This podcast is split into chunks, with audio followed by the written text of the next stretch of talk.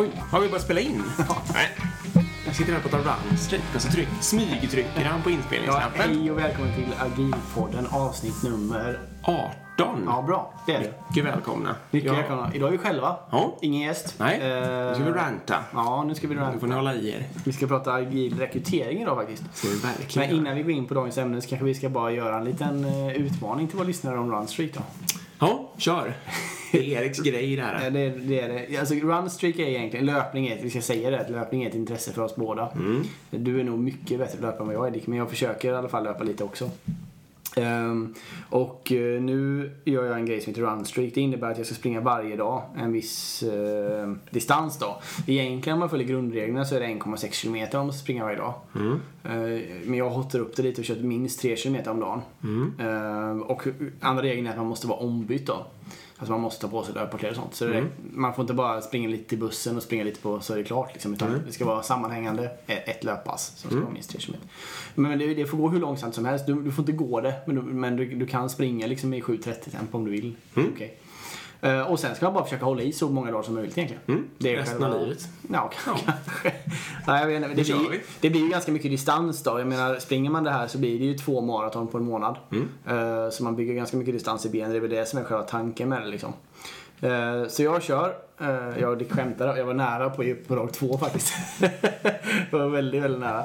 Men jag lyckades, så nu är jag på dag fyra och nu har jag nog nästan lyckats övertyga Dick om att börja här Ja, jag också. ska känna efter lite. Klockan Senast. är just nu 20.39 så när vi är klara med detta så, så hinner du fortfarande för midnatt Oh ja. är ju liksom själva deadline då.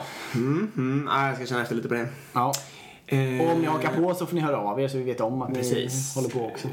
Det ska nog inte bli en renodlad träningspodd där, men eh, det, man, det, vi är ju agila så det kan smygas in lite olika saker. Ja, vet. Ehm, dag, jag heter Dick och du heter Erik. Ja. Det har nog nämnts här nu. Eh, och dagens ämne är agil rekrytering. Mm.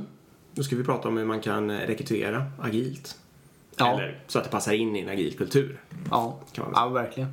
Traditionellt, eh, alltså min erfarenhet och sådär, det är ju liksom att det finns ett rekryteringscenter. Mm. Eh, som då kanske, det man gör om man är chef då, som det ofta är traditionellt, som gör själva rekryteringen. Mm. Så skriver man någon form av annons som man då skickar till rekryteringscentret som kanske putsar upp den lite och så skickar man ut. Mm, Och det sen- tycker jag att du försiggår eh, lite. Om det Ja. ska vara supertraditionellt så Ja. skriver man faktiskt, men det kanske du aldrig har tv- tvingats göra, då skriver man faktiskt en Behov just det. Nej, jag har faktiskt hoppat över det. Men Men, ja. Som då ska ligga som någon slags grund till den där stackars annonsen. Det vill säga man skriver samma sak fast lite, inte lika trevligt eller vad man ska säga, lite mer sakligt. Då. Eh, och det dokumentet fyller ju då ett extremt lågt värde som ni kanske hör på mitt tonfall här nu. Då. Och därav så har inte jag skrivit det. Ja, Nej, exakt. Men så kan det börja i alla fall. Ja. Och sen så förväntar man sig helt enkelt att folk söker på den här annonsen Mm. då. Man kastar ut den kanske på sin hemsida eller på olika så här, jobbsökarsajter som Monster och allt vad det heter. Blocket Precis. och allting har ju det där. Så väntar man till sista ansökningsdag har gått och sen ska man välja den som är bäst. Ja, och då ringer man upp och frågar om man kan komma på en intervju. typ. Mm. Och då har de ofta redan fått jobb. Ant- Många gånger är det så. Nu för tiden. Många gånger är det så. Nej men det är väl så det går till. Eh, och sen så kan det här ske med, via massor med eh, HR-verktyg och så vidare då. Mm. Mm. Eh, Det som kan vara intressant att veta om man själv aldrig har suttit i en rekryterande sits det är ju att många gånger så ser man ju också hur många gånger den här individen har sökt jobbet innan. Mm. Det är ju jätteintressant att se. Alltså om man ser då att okej den här personen har sökt jobb på ditt företag 147 gånger innan Mm. och söker nu ytterligare en gång. Då kan man ju börja bli misstänksam varför 147 gånger den inte har fått de jobben de har sökt och sådär. Mm. Så det kan man tänka på om man sitter och spammar något företag Mm. med samma annons eller sånt där. Eh, Men annars är det inga hemligheter. Nej. Eh, hur kan man göra istället då? Ja, om man ska fräscha till lite. På Agila Sverige, vi nämnde det som snabbast i Agila Sverige-avsnittet tror jag. Att Det var nog en av de vi gillade. Ja. Precis, som vi tog upp. Exakt, men eh, det var Nordea i Göteborg Ja. som jobbade med att man lägger ner rekryteringen på teamet istället. Just det. Mm. Och de hade ju delvis gjort det så att säga. De Ja. lät inte teamet riktigt ta alla grejer men det var ju väldigt inspirerande att höra att de hade kommit igång. Ja, verkligen. Eh, vad ser vi för fördelar med det då? Mm. Det finns ju en del såklart. Det, det som är stor fördel är ju att det är ju själva team, det är teamet som vet vad som behövs oftast. Alltså vilken kompetensglapp är det vi saknar. Det kan vara svårt för chefen att förstå liksom. Så på så sätt så, så har ju teamen eh, ett, en större möjlighet att hitta rätt person liksom. Det har jag märkt när jag själv nu skriver annonser ibland eller peppar för att de ska skrivas och så. Att jag blir ofta väldigt tvungen att fråga en teammedlem i alla fall. Ja, Eh, just det, vad det är för slags kompetens man behöver. precis. Nej, men så är det. Mm. Eh, men, men den största kanske pos- eller positiva grejen med att, göra, med att lägga sj- hela rekryteringen på teamet det är ju att personen som blir rekryterad lär ju känna teamet i rekryteringsprocessen. Mm. Så det gör ju att den här introduktionsplanen kanske inte behövs. Nej, precis. Eh, utan när den personen kommer så är den efterlängtad och säger ja nu var kul att du är här, äntligen. Vi har verkligen längtat att du ska komma. Kom in nu, här är alla du har redan träffat. För i old school så kan det ju vara lite så att chefen letar upp sin favoritkandidat, Ja. rekryterar den, gör en introduktionsplan, dagen kommer, så kommer man där med den, ja det här är Kalle som ska börja här i era team liksom. Och så teamet vet inte ens om att det ska börja Eller någon. kanske att det ska börja någon, men så här, titta misstänksamt på den här personen och är, hur, kan den här verkligen något? Vad är det nu chefen har släppt hit Ja, liksom? och jag har inte tid. Jag måste ju koda det här. Jag har inte tid att lära upp den här personen. Nej, men absolut. Har man själv valt så är man ju väldigt sugen på att eh, se till att det blir rätt förutsättningar för att den ska komma in sen liksom. Exakt, för det, det, man får ju ett automatiskt ansvar. Mm. Eller hur? Nu har vi nästan berört den andra faktorn också, att förankringen blir ju per automatik så att säga. Ja, det vet Det blir inget problem med det, att man ska förklara varför man har valt just den personen. För att om alla har valt tillsammans så är inte det någon fråga längre. Nej, exakt. Och vi kanske bara ska gå in lite på vad, menar vi med Mm. teamet rekryterar självt. Det vi egentligen, om man hårdrar det så är det ju, man kan ju ta bort för det finns vissa juridiska saker. Alltså en team kanske inte kan eh, skriva på ett avtal utan det måste någon HR-person på företaget göra. För det är liksom ett juridiskt bindande kontrakt. Eh, men, men egentligen allt annat, alltså som att då läsa, skriva annons om man nu vill göra det. Eh, läsa igenom eh, CVn som kommer in, göra alla intervjuer. Eh, det kan ju teamet göra då, helt enkelt. Så chefen behöver egentligen inte göra någonting. Nej. Utan man kan lägga ner i princip allt på teamet. Ja. Det är det här om man har någon sån sekretesstanke kring eh, annonserna, om interna människor söker och Ja. räknar med att det inte ska komma ut och så vidare. Då får man ju lite ta ställning där om man vill kanske att någon chef kollar igenom det först eller något sånt där. Eller om man helt enkelt pratar ihop sig väldigt tajt om det, att man verkligen inte ska sprida det så att alla håller samma sekretessnivåer. Eh, Ja, men det är sant. Men det får man ju ta ställning till. Ja, Men eh, är det externa sökande så är det väl ofta inte en lika viktig fråga. nej. Precis. Och sen det man kan göra då, teamet får ju bestämma själva här. Jag menar, är det, vill de bara skicka iväg en person som intervjuar? Eh, eller två personer, eller om hela teamet, sex pers vill komma så är det väl okej liksom. Det man får, kan tänka på, eller det som var en lärdom från Nordea, det är att man förbereder den kandidaten man ska ta in på att den rekryteringen kommer gå till på det här sättet. För det kan vara chockande annars om man kommer som kandidat och ser på att det sitter sex pers där och ska intervjua dig. Och du, du trodde du skulle träffa kanske en HR eller någon chef liksom. Eh, samma sak, du kanske vill gå in och ta en stentuff lönediskussion det första du gör. Och det kanske teamet inte har en aning om. Utan, Nej. Om man inte råkar ha gått i, jobba med lönetransparens eller Ja. sånt där också då. Ja, precis. Men om man inte har kommit så långt. Nej, så det kan vara bra att förbereda kandidaten som kommer på liksom att okej, den här rekryteringen kommer ske av ett team och, det, och så här kommer det gå till. Liksom. Men det skulle ju kunna framgå redan i annonsen tycker jag. Ja, verkligen. Vi sök, alltså det verkligen så det är övertydligt att det är teamet och teamet har skrivit under annonsen nästan. Ja, ja, ja, det är ju skitball. Eh, Det är en bra idé till och med. Ja, det är precis. Det är ju verkligen en bra idé. Eh, jo, det var det jag tänkte på också. Att om man har såna här lite mer moderna människor som söker, vilket man då förhoppningsvis har, då kanske de ofta vill ha referenser. Alltså att även den som söker vill ha en referens på någon som redan jobbar där. Eh, och inte bara lita på att chefen säger att det är trevlig miljö och så vidare. Nej. Och alla sådana frågor blir ju också, då kommer ju den ju känna sig väldigt väl omhändertagen om den får träffa hela teamet och verkligen se hur, hur de är och vad de har för kultur och så vidare. Ja, verkligen. Så det är också en fördel. Mm. Och de, precis, de kan fråga rakt ut. Alltså, har ni verkligen, eh, gör ni verkligen sprintar liksom? Eller försö- är det något fulebur liksom?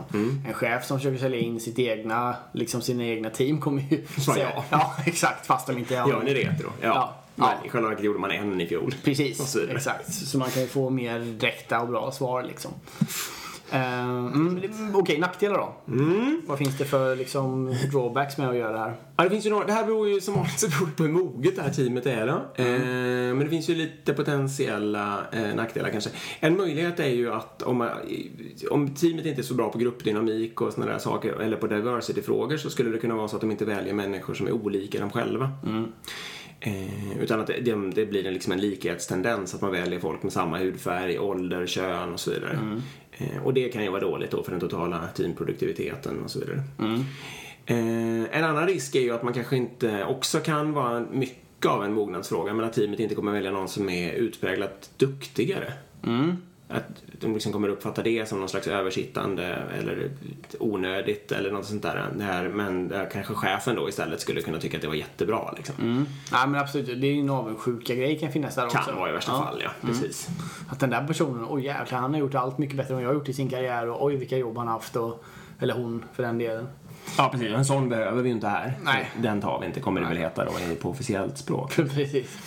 Mm. Sen kanske teamen inte är riktigt lika vana vid långsiktighetstänket. Nej, det kan det vara. Eh, typexempel skulle ju kunna vara om någon eh, snart tänker skaffa barn eller något sånt där och det framgår av någon anledning. Ja. Eh, då, då, och det här gör ju många chefer också i och för sig, men en duktig chef som är van att tänka långsiktigt skulle kunna se förbi allting sånt där och Ja. tycka att det absolut inte spelar någon roll. Och dessutom vara medveten om diskrimineringslagstiftningen och liksom, Exakt. Det finns ju en risk att teamet missar de grejerna. Precis. Och bara säger det. Jaha, planerar ni skaffa barn snart? Jaha, du ska bli gravid inom ett halvår? Ah, Okej, nej, då är inte du aktuell. Det verkar jobbigt. Ja, då tar vi någon annan. Vilket bo- både är olagligt och dumt. Exakt. Så det gör inte det. Ehm, Precis. mm. Nej men det är bra. Vad finns det för, eh, för nackdel då? Det kan ta tid av teamet. Ja, det kan det göra. Eh, för tänk om det nu är som det är just nu till exempel, eller om man, alltså att det är väldigt svårt att hitta folk eh, och eh, om man har en väldigt stort expansionsbehov så är det väldigt mycket rekryteringar. Då kan det ju till slut faktiskt bli så att de spär ut sitt fokus och det blir mindre utvecklat. Det är ju en potentiell nackdel. Precis, tänk nu att ett team sitter då och sen så vill de är fem personer och alla fem vill vara med på alla intervjuer och Ja. de vill göra tio intervjuer. Ja, ni förstår. Ja. Det börjar dra iväg i tid liksom. Ehm, Så det är klart, det är ju en nackdel. Det är klart. Och då kan det vara bättre att wastea chefens tid som kanske inte används till något annat produktivt i alla Det fall. är inte värdeskapande tid. Nej, precis. Men självklart, om man fortfarande har en linjechef, då kan man ju balansera det där förstås. Man kan ju låta chefen göra de sakerna som inte kräver teamkompetens lika mycket. Eh, om det nu finns sånt, referenstagning, kanske grovsållning, om man Ja. vågar det och så vidare. Ja. Det Lite på vilken chef man eh, Men att teamet liksom gör slutvalet och sådana där saker. Ja, ja, men det är, det är en god idé. Absolut. På lite på samma sätt som när man använder en rekryteringsfirma så Mm. gör ju den ofta inledande arbete och sen går chef, den riktiga chefen in. Här väljer, ser, ser vi chefen som rekryteringsfirman och teamet som den riktiga chefen. Ja. så att säga. ja. Det var snabbt, men ja, jag, jag håller med dig. Ehm, det är bra. Sen- Sen, man kan säga det, de grejerna vi nämnde där som ehm, eh, nackdelar eller risker, ska jag Mm. säga. De riskerna finns ju idag och de misstagen görs ju också Ja. hela tiden idag. Ja. Fast, så menar, chefer är inte bättre än team på de här Inte grejerna. alltid. Eh, Just det här som du nämnde med att man, man eh, rekryterar sig själv och eh, en person som är väldigt lik en själv. Och framförallt om man är en man så rekryterar man gärna en man. Liksom. Mm. Det misstaget begår ju varenda svensk chef som finns i princip. Verkligen. Så den kängan ska ni ha ändå alla chefer som lyssnar. Mm, om ni vågar lyssna. Sen är det väl lite roligare också va? Ja det tror jag. Jag tror teamet tycker det är en kul Ja. grej. Det kan skapa bra mervärde. Alltså, alltså då börjar folk prata om det här för det här Ja. sker inte till så stor del. Nej. Och då får, den, får man lite employer branding plus på det och så blir det en aktiv arbetsplats och det låter som en kul grej och sådär. Mm. Så ja, det, det- jag tror det är en smart grej att, att faktiskt sno om ni sitter på något företag och ska rekrytera. Mm. Mm. Verkligen. Jag ska släppa teamen, göra jobbet och gå vidare på agil rekrytering i allmänhet. Ja, vi gör det. Eh, sägas kanske, vill du säga något om svenska arbetsmarknaden? Ja, det kan jag göra. Prata i svenska. Ja. Eh, nej, men min, själva, min, min, min tes är lite så här då att både som rekryterare och som kandidat så tycker jag det är viktigt att förstå att det finns ganska lite bra folk. Ja, Det är, det är det. svårt att hitta, speciellt inom IT idag. Eh, det, det är jättesvårt att hitta en bra agil coach, det är jättesvårt att hitta en scrum master, det är super, super svårt att hitta bra utvecklare. Ehm, så det, man får tänka på det både ur ett rekryteringsperspektiv men även som kandidatperspektiv. Är du duktig och har ett bra CV så ska du veta det att det, varenda företag vill ha dig liksom. Sen kommer de aldrig erkänna det och de kommer spela svåra och säga att ja, men vi har flera intressanta kandidater här och så vidare. Men, men, men så enkelt är det egentligen. Eh, och samma sak ur ett rekryteringsperspektiv får man tänka det. Hittar man någon som är duktig liksom så måste man vara snabb och hugga den personen. Precis. Hugg direkt. Håll inte på sådär och tänk att du ska jämföra och kolla vem som är bäst av alla och så vidare. Och så vidare. Nej. För risken är enorm att Ja. du tappar din bra kandidat. Visst. Och det bästa exemplet vi har på det, det är faktiskt eh, vi hade på, på, på mitt jobb då så hade vi en bonus om man, om man, om man, om man eh, rekommenderar någon, alltså en kompis typ. Och om det leder till en anställning så fick man helt enkelt pengar då. Eh, och då fick vi in en, ett tips på en, eh, en tjej som utvecklar. Eh, och, och, och hon hade då skickat signal till sin kompis att hon var intresserad av vårt företag och också att byta jobb då. Ehm, Så då sa jag det till en rekryterande chef och den här rekryterande chefen ringde upp på en gång. Just det. Ehm, Åkte in Ja, stan. precis. Och åkte alltså då fyra mil i bil. eh, För att möta upp henne på hennes lunch. Liksom. Så fast hon kanske inte riktigt var redo för det så han sa bara jag kommer på en gång, vi ska träffas. Och sen så i mer eller mindre så hade de skrivit ett anst- anställningskontrakt i eftermiddag. Och det, det är lite så man måste göra idag. Ja. Om man vill ha bra folk så får man vara beredd att göra de grejerna. Det var min poäng. Mm, ja men verkligen. Precis. Och den ledde ju till anställning sen också. Den Den, personen anställning, jobbar ja. nu på, på företaget. Ja. Ja, vi var inne på det men det tål att säga igen att det där med att inte rekrytera kopior på sig själv. Nej, det sa du ju förresten. Det gäller ju alltid det. men inte bara när det- teamet gör det. Nej, Ja. men, men det är värt att nämna till det? Ja, det kan vi göra. För jag har, själv, eh, jag har själv varit nära att göra det misstaget så att säga. Ehm, och det är, det är väldigt lätt att tänka så liksom att om du sitter och rekryterar och sitter och pratar med någon och så träffar du någon som är lik dig själv. Ni kanske har samma intressen, ni har samma bakgrund. eh, samma kön för den delen också. Det är väldigt lätt att man börjar gilla varandra då. För Ja. man, man passar som personer kanske, man, man går ihop. Men för det så behöver inte det vara en bra rekrytering liksom. Men det är väldigt lätt att chefen går bara på vad den själv känner skulle passa chefen. Fast chefen kanske inte ens ska jobba med personen. Eh, Utan bara ha ett linjeansvar. Så därför blir det väldigt lätt att man, man, man tar någon som man är väldigt lik och så tycker man perfekt vilken bra rekrytering jag gjort nu. Nu blir allt bra och så går man tillbaka. Och sen då när, det här är det värsta nu då för det som händer sen om man tittar lite långsiktigt på detta. Det är ju då att den här chefen som rekryterat den här personen X och när chefen slutar eller rör sig upp i hierarkin då kommer ju X få det där jävla chefsjobbet. För chefen Ja. kanske väljer eller rekommenderar den och sen kommer den X göra samma misstag igen och sådär. Och strukturen bevarar sig själv i all evighet. liksom. Exakt. Och det, därav så sitter vi på idag på en jävla massa manliga chefer. Och, och även på högsta nivån så är det ju bara chefer och de ersätts av, eh, förlåt, det är bara män som chefer och de ersätts av män. Ja, det är bara chefer på högsta nivån också. Det är bara chefer som är chefer, jag blir så förbannad. Nej, men precis. För att de har valt eh, människor i nivån under som liknar dem själva. Exakt. Så Så de följer bara varandra Nej, hela vägen. Det är helt sant. Ja.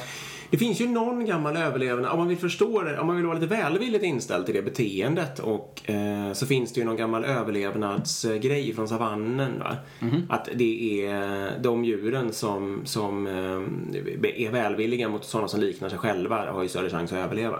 Mm. Så det är den gamla instinkten bland annat som man jobbar mot. Så det, därför är det viktigt att ha medvetenhet och, och Mm. vara den intellektuella människan när man håller på med det här och inte bara gå på sin instinkt. Nej, För den kommer lura dig liksom. Ja. Men man tänker då att nej, men den här rekryteringen vill jag göra med magkänslan och det ska kännas bra och sådär. Ja. ja, men det är bra. Nu har vi poängterat in den i alla fall. Mm. Den kommer vi säkert Så- tjata om i något annat Ja, avsnitt verkligen. Den, den ska vi komma tillbaka till. Om du gör rekrytering då? Eh, Ja, jag är ju en sån här människa då som, eh, som tycker att eh, kunskap är ju lite av en fälla. Ja, Eh, jag håller med. Om man går bananas och börjar spesa allting som personen ska kunna så går man ofta bort sig. Mm. Och det är ju självklart inget fel att ha kunskap. Det är liksom inte diskvalificerande men det är liksom inte alena kvalificerande utan det viktiga att någon har det är ju vilja. Vilja och energi. Vilja att lära sig. Ja. Mm. Precis. Pers- personen har en grundutbildning som liksom är lite svår sådär, då vet man att personen kan lära sig saker. Eh, och om den sen har vilja och energi och vill liksom på riktigt göra det här arbetet, då kommer den kunna tillskansa sig sakkunskaperna på jobbet. Ja. Och det är jätteviktigt att komma ihåg. Och det kommer gå mycket snabbare än vad ni tror också. Ja. Det, det, det, det är det som är poängen. Att det är inte så att det här är, den här personen kommer vara dålig i tio år och sen kommer Nej. det hända. Utan det kommer ske ganska fort. Som i en till tre, fyra månader liksom. precis. Och däremot tvärtom, då, det kommer in, då kommer man hålla på i tio år men det kommer aldrig hända. Nej. Alltså att man har i teorin rätt kunskap men inte har ordentlig vilja, Exakt. det kommer de aldrig få. Eller, in, vanligtvis kommer det aldrig hända liksom. Så därav har både du och jag tagit bort år och erfarenhet i våra annonser. Precis, det är no-no tycker jag. Jag tycker det också. Mm, hålla på och säga hur, många, hur mycket erfarenhet man ska ha. Alltså du ska ha varit chef i fem år, du ska ha varit projektledare i tio år, du ska ha varit agil coach i minst fyra år. Precis. Eh, alla de hårda kraven. Det, det, jag, jag tror de personerna som matchar in och gillar det tror jag kommer att vara fel liksom Mm. också. Eh, sen kan du träffa rätt ändå såklart, men, men du kan tappa bort också. Mm. Vilka tappar man främst? Ja, om man, på strukturell nivå nu, om vi pratar, nu går vi in på genusfrågorna här igen. Eh, och, och, man har väldigt mycket, statistiskt sett, om man har mycket krav i sina annonser så tilltalar det eh, fler manliga sökande. Och om det står mycket beskrivningar av personliga egenskaper så blir det statistiskt sett fler kvinnliga sökanden. Ja. Så att det blir en, om man har en arbetsplats med mycket man, män, manliga medarbetare eh, så är det bättre att inrikta sina annonser på att beskriva personliga egenskaper och ha färre mm, mängd krav så att säga. Precis. För kravlistan kommer uppfattas som att, de inte, att man inte uppfyller den och då söker man inte liksom Nej. i det fallet. Precis, det, det är liksom, om man ska ta det stereotypa kvinnliga beteendet då. Det här gäller sj- självklart inte alla individer, men det gäller på en större population. Så är det att om man då, om det är en kravlista på 25 grejer, om man inte uppfyller en av dem, eh, så kommer man inte söka. Medan mannen kan vara precis tvärtom då, i stereotypt, att om det är en kravlista på 25 grejer och eh, han uppfyller en sak med råge så kommer han söka. Då räcker det liksom. Mm. Precis. Ja, men det är farligt. Mm. Viktigt att tänka på. Så vi- om vi kopplar tillbaka det till uh, vår, vår tidigare genusrant här med att eh, manliga chefer rekryterar sig själva. Så kommer de dessutom sitta och skriva de här jävla kravlistorna Ja. som gör att kvinnor inte söker också liksom. Så det är ju en faktum med då.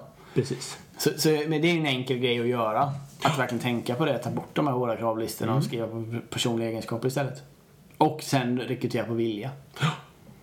Jag vet inte hur det blir, nu har inte jag jobbat i någon sån bransch, men om man eh, satt och rekryterar sjuksköterskor eller förskolepersonal kan det hända att man skulle göra ett litet inslag av tvärtom då. Om, Ja, om man kände att man hade för få manliga sökande. Det är en väldigt intressant Ja, eh, tanke. men det, det, här var ingen, det är en spekulation, inget, för det har vi ingen erfarenhet av. Nej, det har vi faktiskt inte. Men det, det vore otroligt spännande.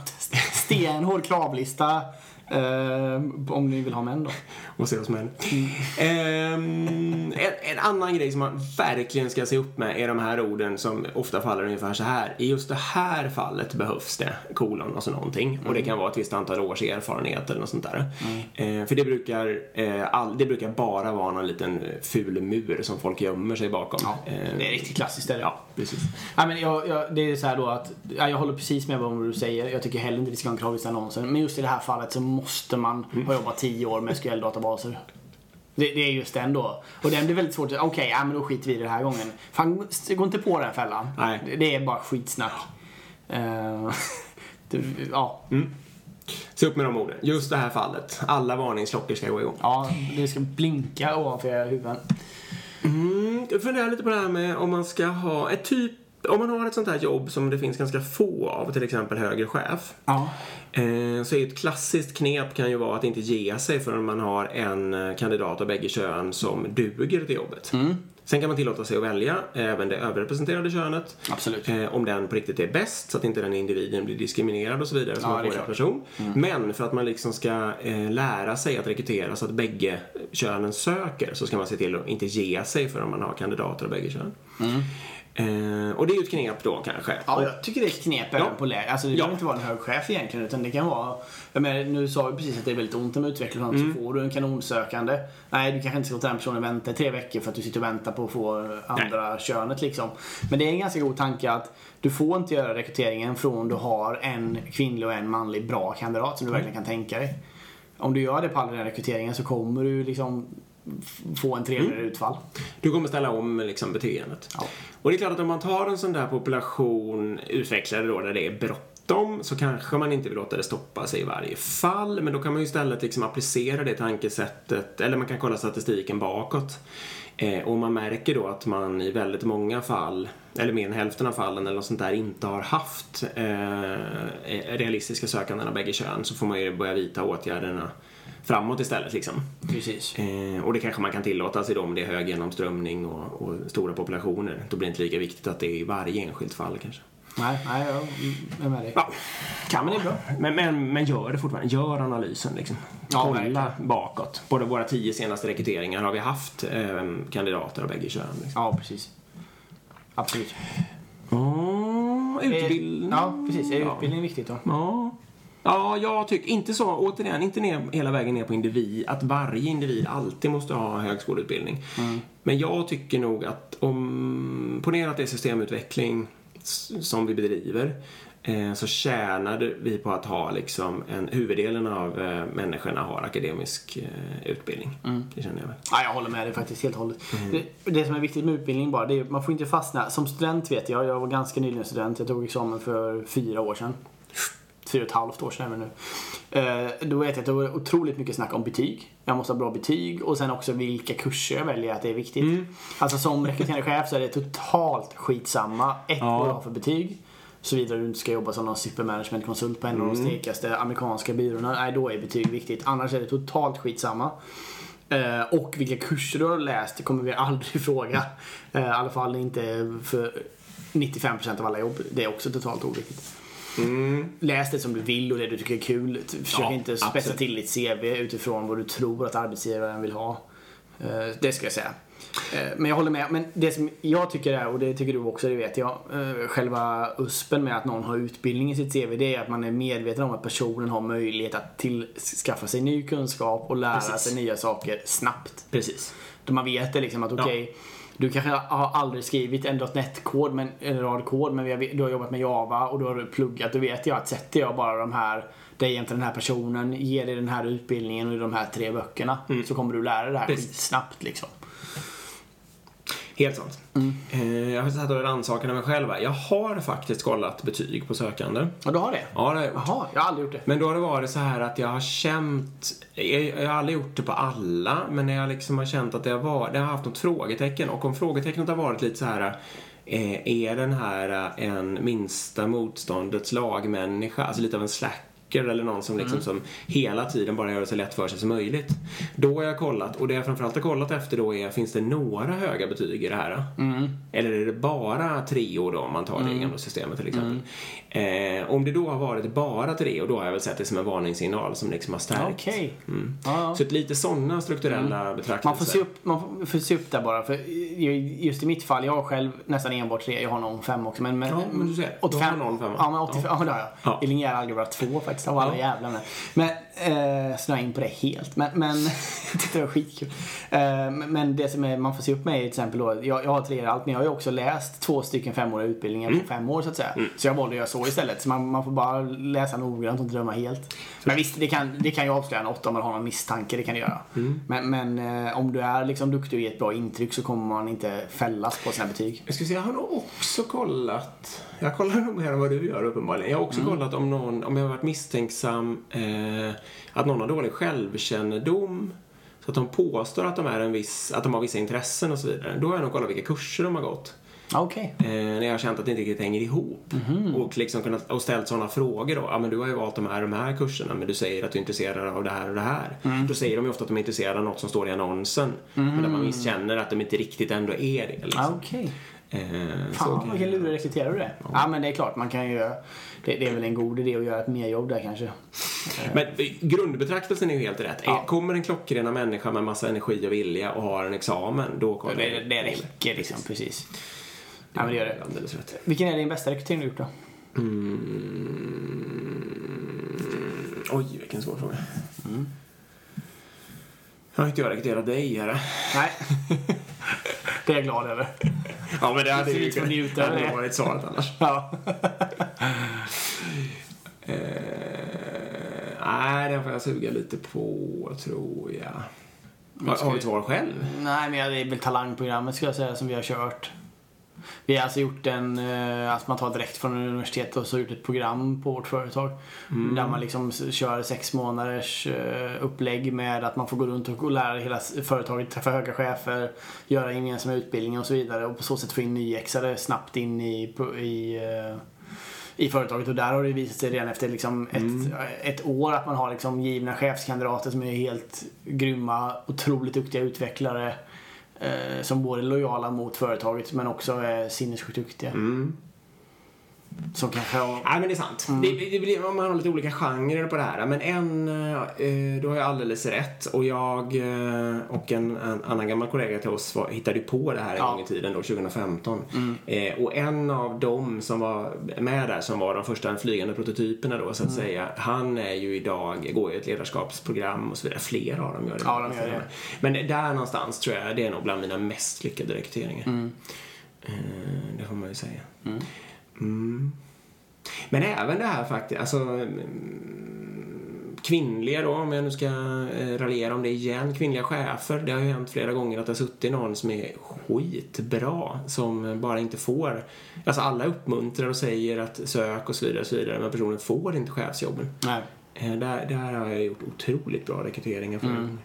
Och där alldeles finns potential i alla organisationer. Och det finns ju många som liksom tyvärr då sitter och säger nej men jag, jag kan nog inte och vill kanske Mm. inte. Och... Det är den andra sidan. Det kommer nog ett genusavsnitt också hörni. Ja, jag tror det. Det börjar det börjar närma sig Ja. det. Faktiskt. Vi bygger upp här. Vi vi kan liksom spara all genusrant till Ja. agil genusavsnittet. Då får ni ha hörselkåporna nära. Ja, precis. Lyssna inte på det avsnittet.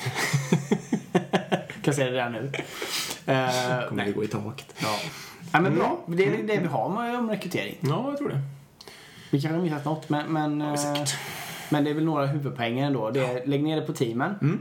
Eh, Gå på vilja, inte på kunskap. Bra, ta bort det här med eh, strikta krav tycker vi då. Mm. Speciellt om ni vill eh, ha mer kvinnliga sökande. Mm. Ehm, Och se till att vara otroligt vaksamma om ni hör orden i just det här fallet. ja, och rekrytera inte dig själv heller. Det är väl en bra sammanfattning Mm. om faktiskt agil rekrytering.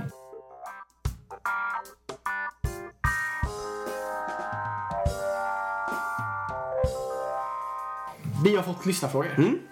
Flera stycken. Ja, kul! Mm. Äntligen. Det är vi glada för. Ja, fortsätt skicka in. Vi blir superglada.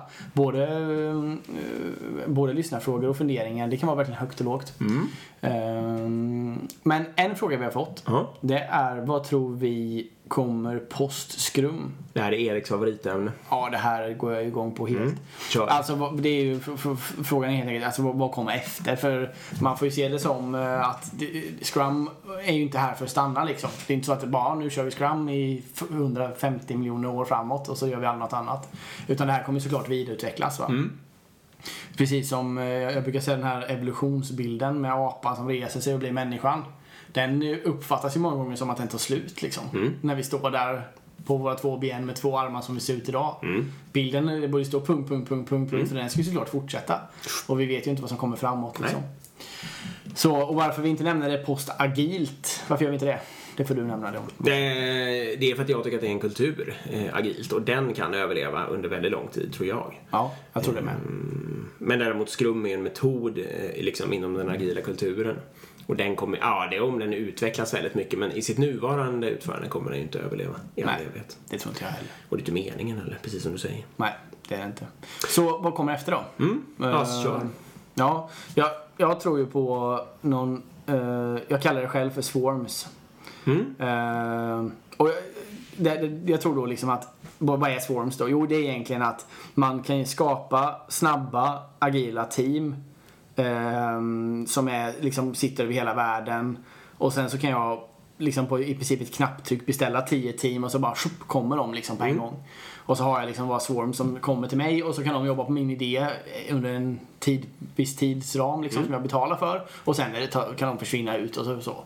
Och jag tror liksom att om man ska hålla lite i framtidsspaning så har jag nämnt det lite förut men jag tror att i framtiden så kommer duktiga utvecklare kommer vilja jobba med sånt som de på riktigt brinner för. Mm. Ehm, Så då är det ju att jag kommer på en idé då som gör att okej, vi ska göra en hälsoapp eller någonting eller vi ska rädda, liksom, vi ska ta bort någonting eller vi ska rädda något eller vi ska sälja något eller vad det kan vara.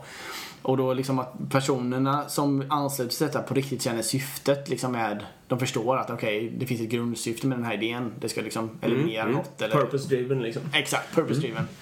Ehm, så då kan jag, antingen så kan jag ju då få liksom, folk till mig på grund av det, att jag betalar plus det, och eller att de äger en del av företaget om de hjälper mig.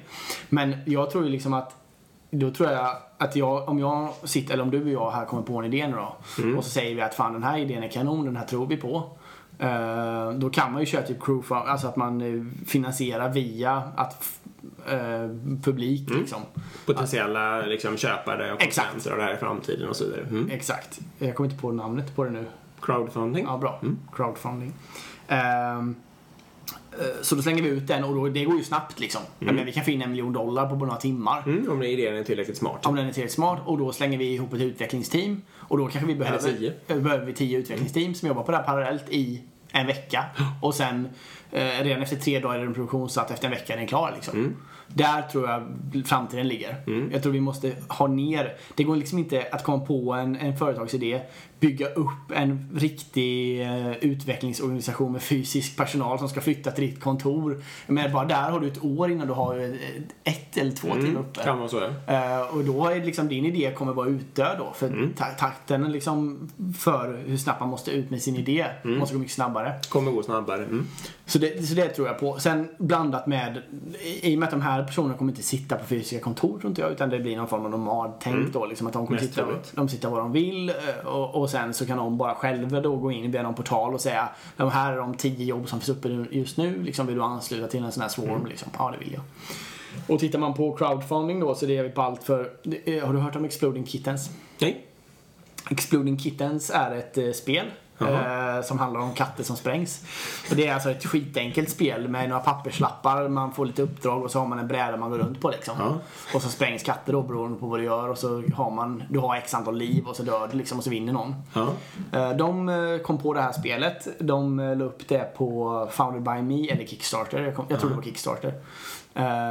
Som är då en crowdfunding-plattform. De ansökte efter 10 000 dollar. Ja. De ville in 10 000 dollar för det var som krävdes då för igång produktion. De fick in 8,7 miljoner dollar. på typ tre veckor. Så där har ni bara för att förstå liksom kraften av att är det en kul idé så det liksom de pengarna bara fuff, på en gång finns där. Och har du 8 miljoner dollar och kan då realisera det i en sån här swarm-värld. Då, det, det är ju liksom 20 utvecklingsteam i ett år liksom. Eh, eller något sånt där kanske.